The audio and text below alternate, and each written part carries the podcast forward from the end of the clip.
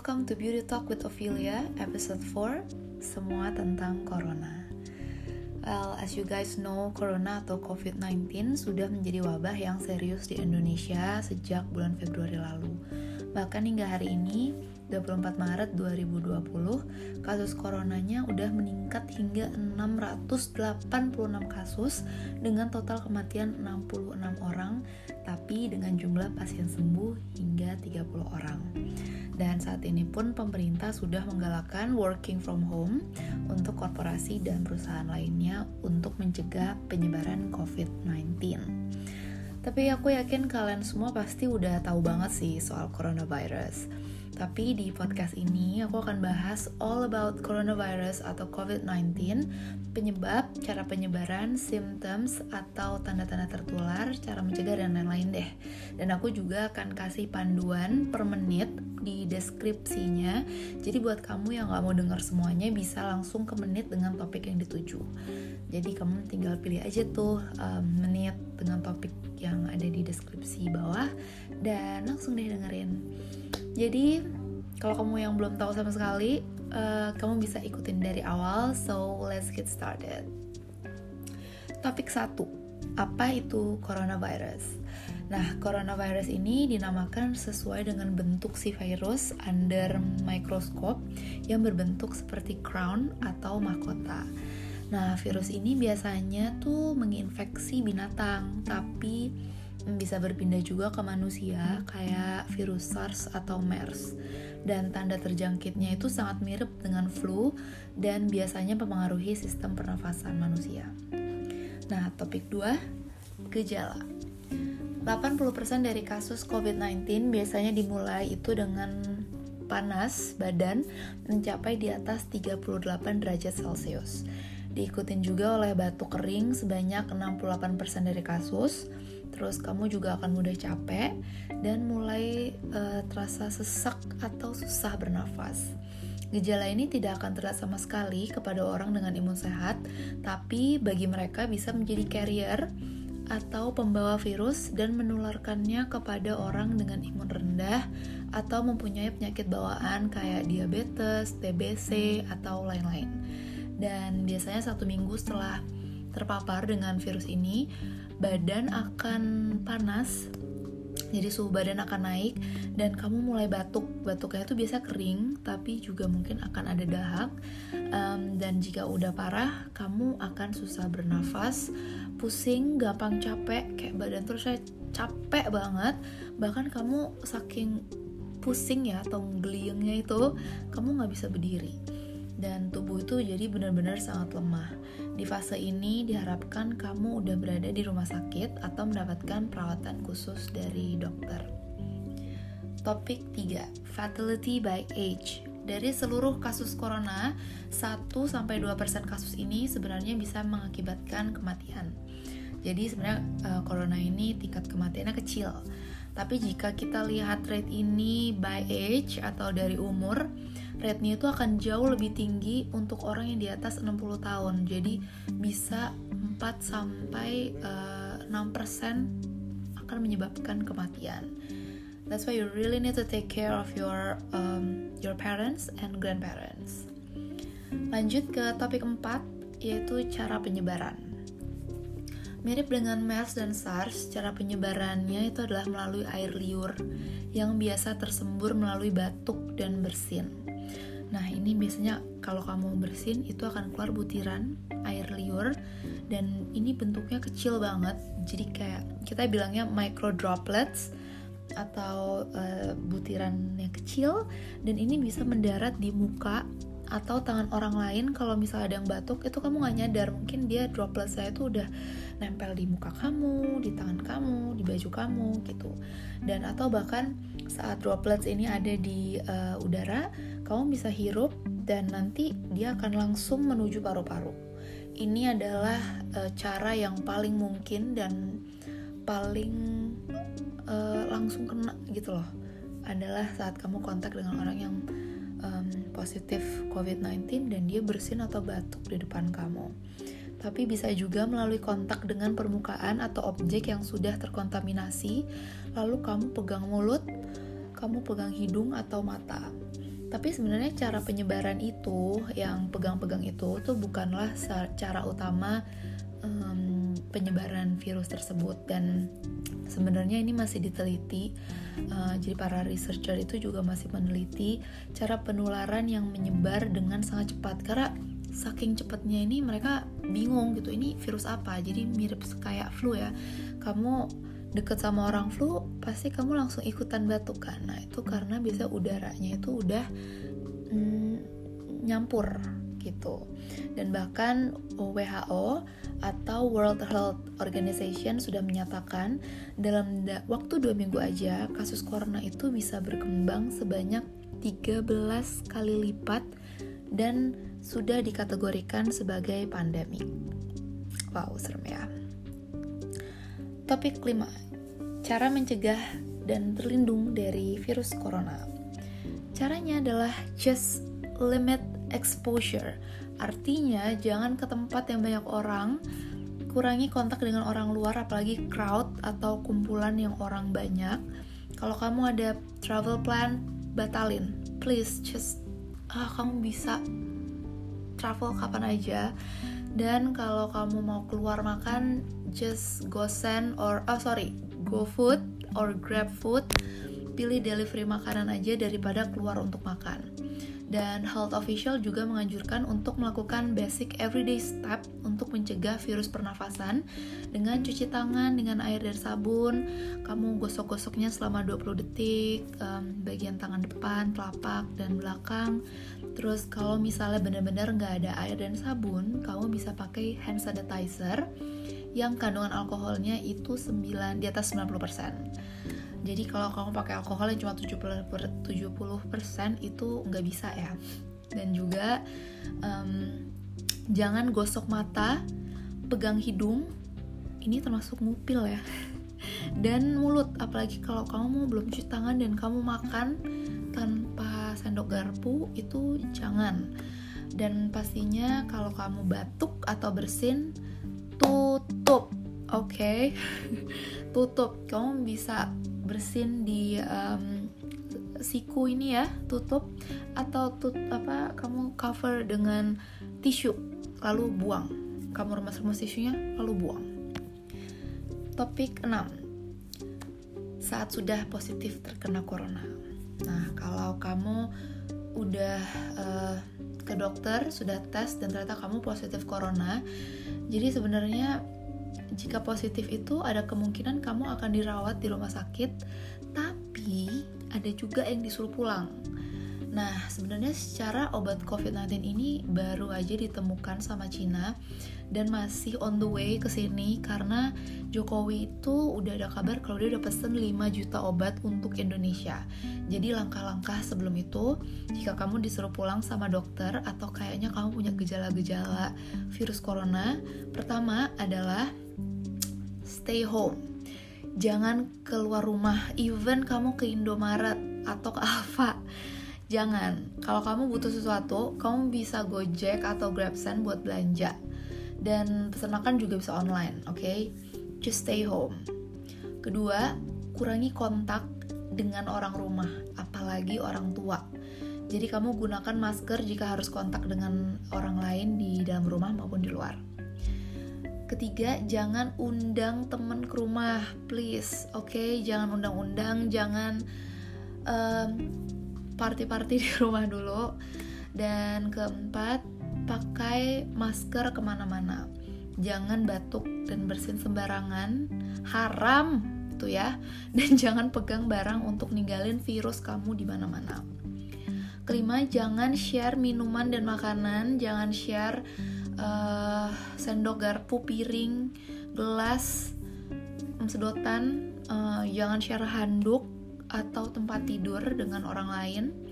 Terus selalu bersihkan rumah kamu disinfect rumah kamu juga dan monitor gejala kamu ya jika semakin parah atau kamu semakin susah nafas langsung ke dokter. Dan hentikan self isolation jika kamu udah terkonfirm oleh laboratorium tes kalau kamu udah sembuh. Jadi jangan kira oke okay, gue udah gak apa-apa nih oke okay, saatnya gue keluar rumah. No. Pastiin kamu udah oke okay kalau udah terkonfirm oleh rumah sakit. Topik terakhir, topik 6, update saat ini. Hari ini adalah uh, 24 Maret 2020 dan saat ini kasus COVID-19 sudah mencapai 396 uh, kasus dengan kematian total 17.234 dan pasien sembuh sebanyak 103.748 orang.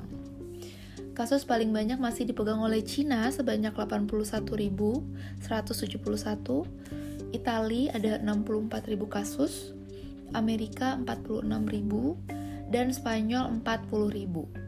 Dan saat ini Indonesia ada di urutan 37 dengan total kasus 686 dengan kematian 55 orang tapi dengan yang sembuh 30 orang. Tapi kalau dilihat nih, Indonesia mempunyai angka kematian tertinggi kalau kamu bandingkan dengan total kasus um, yang hanya 600, 686 ya. Misalnya kita dengan 686 kasus itu meninggalnya 55 kalau kita bandingin sama Malaysia jumlah kematiannya hanya 15 dengan total kasusnya 1624 dan Thailand bahkan kematiannya cuma 4 orang dengan total kasusnya 827 wow that's scary Lalu update yang lain, Olimpik 2020 di Tokyo yang mestinya dimulai bulan Juli ini juga akan dipospon selama satu tahun karena corona pandemic. Terus Presiden Jokowi juga sudah mengeluarkan dana sebanyak 10 triliun rupiah untuk pekerja yang kena PHK karena imbas virus corona. Cicilan kendaraan dan rumah akan diperpanjang hingga satu tahun. UN atau ujian nasional juga akan ditiadakan sampai penindakan untuk bank yang kejar angsuran pakai debt collector. Dan itu udah dilarang semua sama Presiden Jokowi yang memberikan statementnya hari ini 24 Maret 2020 thank you Pak Jokowi.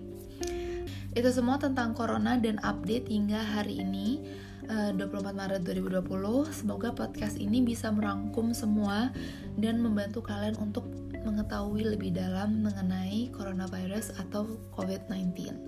Buat kamu yang masih menganggap enteng, seriously, wake up. Pasti ada alasan kenapa ini dinyatakan pandemik sama WHO dan pemerintah sampai ngelarang untuk keluar rumah. Dan dengan penyebaran yang sangat cepat dan tingkat kematian di Indonesia yang tinggi, udah deh nggak usah malu-malu untuk pakai masker, tutup mulut kalau bersin dan batuk, sama kalau tuh rajin cuci tangan. Especially if you are in your teenage years, 20s or 30s, kadang gejala itu nggak kelihatan sama sekali.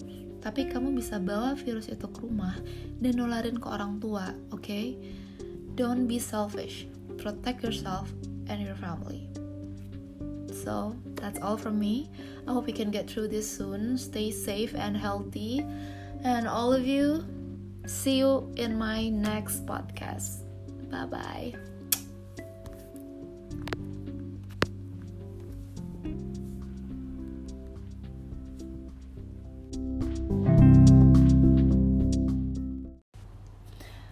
Hi everyone, welcome to Beauty Talk with Ophelia. Sebenarnya untuk episode kali ini aku nggak akan ngomongin beauty, tapi lebih ke heart to heart talk. Jadi aku mau cerita aja. These days selama quarantine ini, I have more me time. Me time di sini aku punya kesempatan untuk mikir tentang diri sendiri lebih dalam sometimes hasilnya bagus but sometimes itu jadi overthink. Sebuah analisa baru yang membuat aku overthink.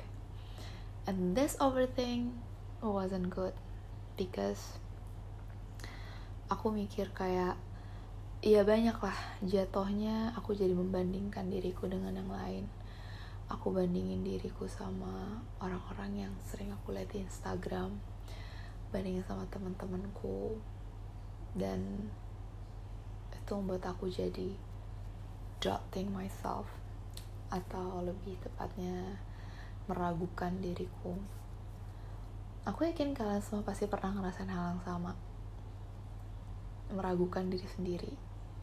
Apalagi di zaman yang kayak gini di mana kamu aku yakin banget kalian semua pasti rajin buka Instagram rajin di social media kalian lihat kehidupan teman-teman kalian yang deep down you actually know that they only post what they want you to see. Mereka itu cuma post uh, foto atau video yang mereka mau kamu lihat. Mereka tuh ngebentuk image mereka di situ. Dan itu yang sebenarnya mereka mau lihat liatin ke kita semua.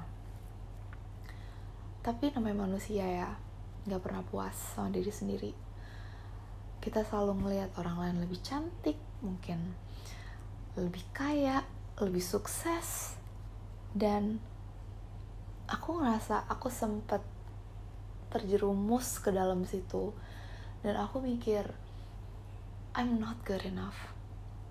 I'm not good enough. Oh my god di umurku yang segini ternyata gajiku masih segini. Sedangkan teman-temanku udah jadi head of or udah ada yang jadi CEO have their own business and everything and I'm still here working for someone else with mungkin dengan gaji yang kalau aku bandingin sama temenku kayak oh my god mereka bahkan udah hampir puluhan mereka bahkan udah puluhan puluhan juta. Dan itu lumayan ngaruh aku sempat down. Dan down ini bener-bener ngaruh ke segalanya. Ini ngaruh ke pekerjaanku ini ngaruh ke kehidupan aku dengan keluarga aku aku cukup down dan aku kayak orang gila waktu itu. Aku ngerasa I'm not good enough. Dan semua pekerjaanku jadi berantakan. And I feel like everyone was blaming me karena emang kerjaanku jadi berantakan kan? Aku ngeras tapi dari situ aku ngeliatnya kalau aku nggak capable buat kerja ternyata aku nggak bisa kerja. Dan aku aku nangis. Aku bahkan aku bahkan bilang sama bosku kalau I'm resigning. Karena aku so stressed out dan bahkan itu ngaruh semua ke badanku. Aku sakit. Aku pusing bahkan aku bisa pusing banget palanya. Dan apa yang waktu itu aku rasain adalah setiap kita mikirin hal-hal yang kita nggak punya dan kita ngerasa itu hopeless atau impossible dan entah kenapa otak kita itu selalu nambah-nambahin. Jadi kalau kita sedih kita akan kasih hal-hal yang mem semakin membuat kita sedih. Dan semakin kita tuh kayak nangis gitu kayak ayolah sekalian nangis aja dan terkadang nggak semua orang bisa bounce back atau bisa langsung memulihkan dirinya sendiri dengan cepat. Itu nggak semuanya. And that's not me obviously. Aku tenggelam dengan semua pemikiran-pemikiran negatif itu. Sampai suatu saat aku um, baca tentang stoic stoicism intinya itu adalah sebuah filosofi di mana kita harus wise kita harus berpikiran berbeda. Bilangnya ya berbeda ya berbeda dengan uh, pemikiran pada umumnya. Mencerna dulu baru bicara. Dan selama ini yang aku lakukan adalah bicara dulu baru mencerna itu salah satu kejelekanku sih. Aku selalu bicara dulu baru mencerna. Not, not a good thing. Lalu setelah baca setelah aku nonton berbagai macam aku mencari tahu ya tentang stoicism ini aku merasa oke okay, this is not right. Dan ini adalah waktuku untuk bounce back jadi kalau dilihat sebenarnya bukan stoicism ini yang buat bikin aku bounce back gitu ya memang udah jadi memang saatnya aja ini aku untuk bangkit. Dan aku berusaha berpikir berbeda. Kalau aku nggak bisa aku bakal bilang ke diriku oke okay, I can't do this. Aku nggak bisa ngelakuin ini tapi aku akan cari tahu dan kalau aku tetap nggak bisa ngelakuin aku bakal tanya. Sampai aku bisa. Sampai aku bisa. Dan kadang waktu aku tanya sama orang bahkan mereka juga nggak tahu. Jadi aku mikir oh ini bukan cuma aku doang yang nggak tahu. Orang lain juga nggak tahu. Tapi mereka nggak terlalu mikirin hal itu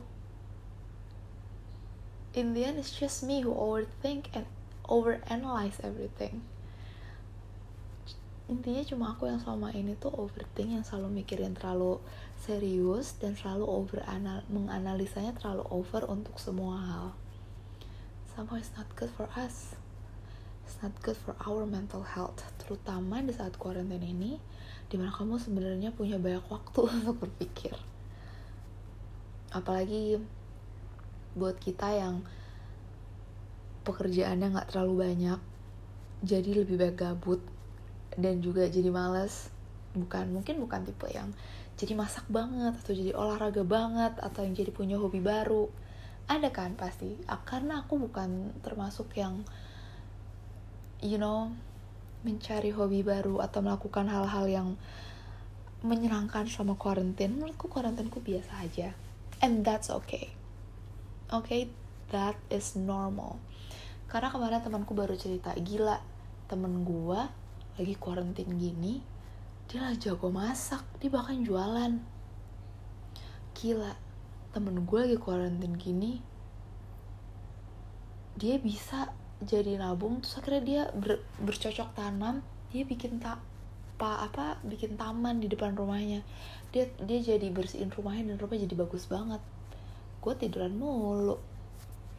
Itu adalah salah satu tanda kalau kita membandingkan. Dan kita hanya membandingkan ke orang-orang yang bahkan kita nggak tahu apakah dia bener-bener ngelakuin itu atau it's only for Instagram. You never know. Lagi-lagi itu dia. Itu yang aku menemukan adalah aku terlalu membandingin diriku dengan orang lain dan aku selalu fokus sama hal yang jelek daripada hal yang bagus. Dan aku coba hal yang oke okay, gue harus mikir kalau gue bisa. Gue harus mikir kalau gue bahagia. Gue harus mikir kalau gue seneng. I can do it. I can do this. I'm happy and I'm thankful to God. I'm grateful to God. I have enough I am enough. Aku omongin itu tiap pagi. Tiap pagi dan aku selalu berdoa sama Tuhan. Aku kasih itu aku tanamin itu ke pikiranku dan aku doa sama Tuhan. And you know guys everything always went smoothly. Semua hari yang aku jalanin itu berjalan dengan lancar. Cuma dengan bahwa aku percaya sama diri sendiri Just say, I am enough, I have enough. And that made my day. Hariku berubah 180%. Memang semua tuh ada di pikiran. Kalian tahu? Jawaban dari aku ngomong podcast ini adalah intinya semua adalah pikiran kalian. So for those of you who feel sad, who feel that you're not enough, that's wrong. You are enough. Coba setiap pagi sebelum bangun jangan buka Instagram. Setelah kalian bangun, kalian doa sama Tuhan. First, say thank you to God. You have to be grateful first. Kalian berdoa sama Tuhan, terima kasih atas hidup ini. Terima kasih kalian masih punya rumah. Terima kasih kalian masih punya keluarga. Terima kasih kalian masih punya pekerjaan. Terima kasih kalian masih bisa makan dan minum. Terima kasih kalian masih bisa punya kesehatan hingga saat ini. Dan setelah itu berdoa sama Tuhan apa yang kalian mau. Dan yang terakhir adalah kalian ngaca dan kalian bilang ke diri kalian sendiri.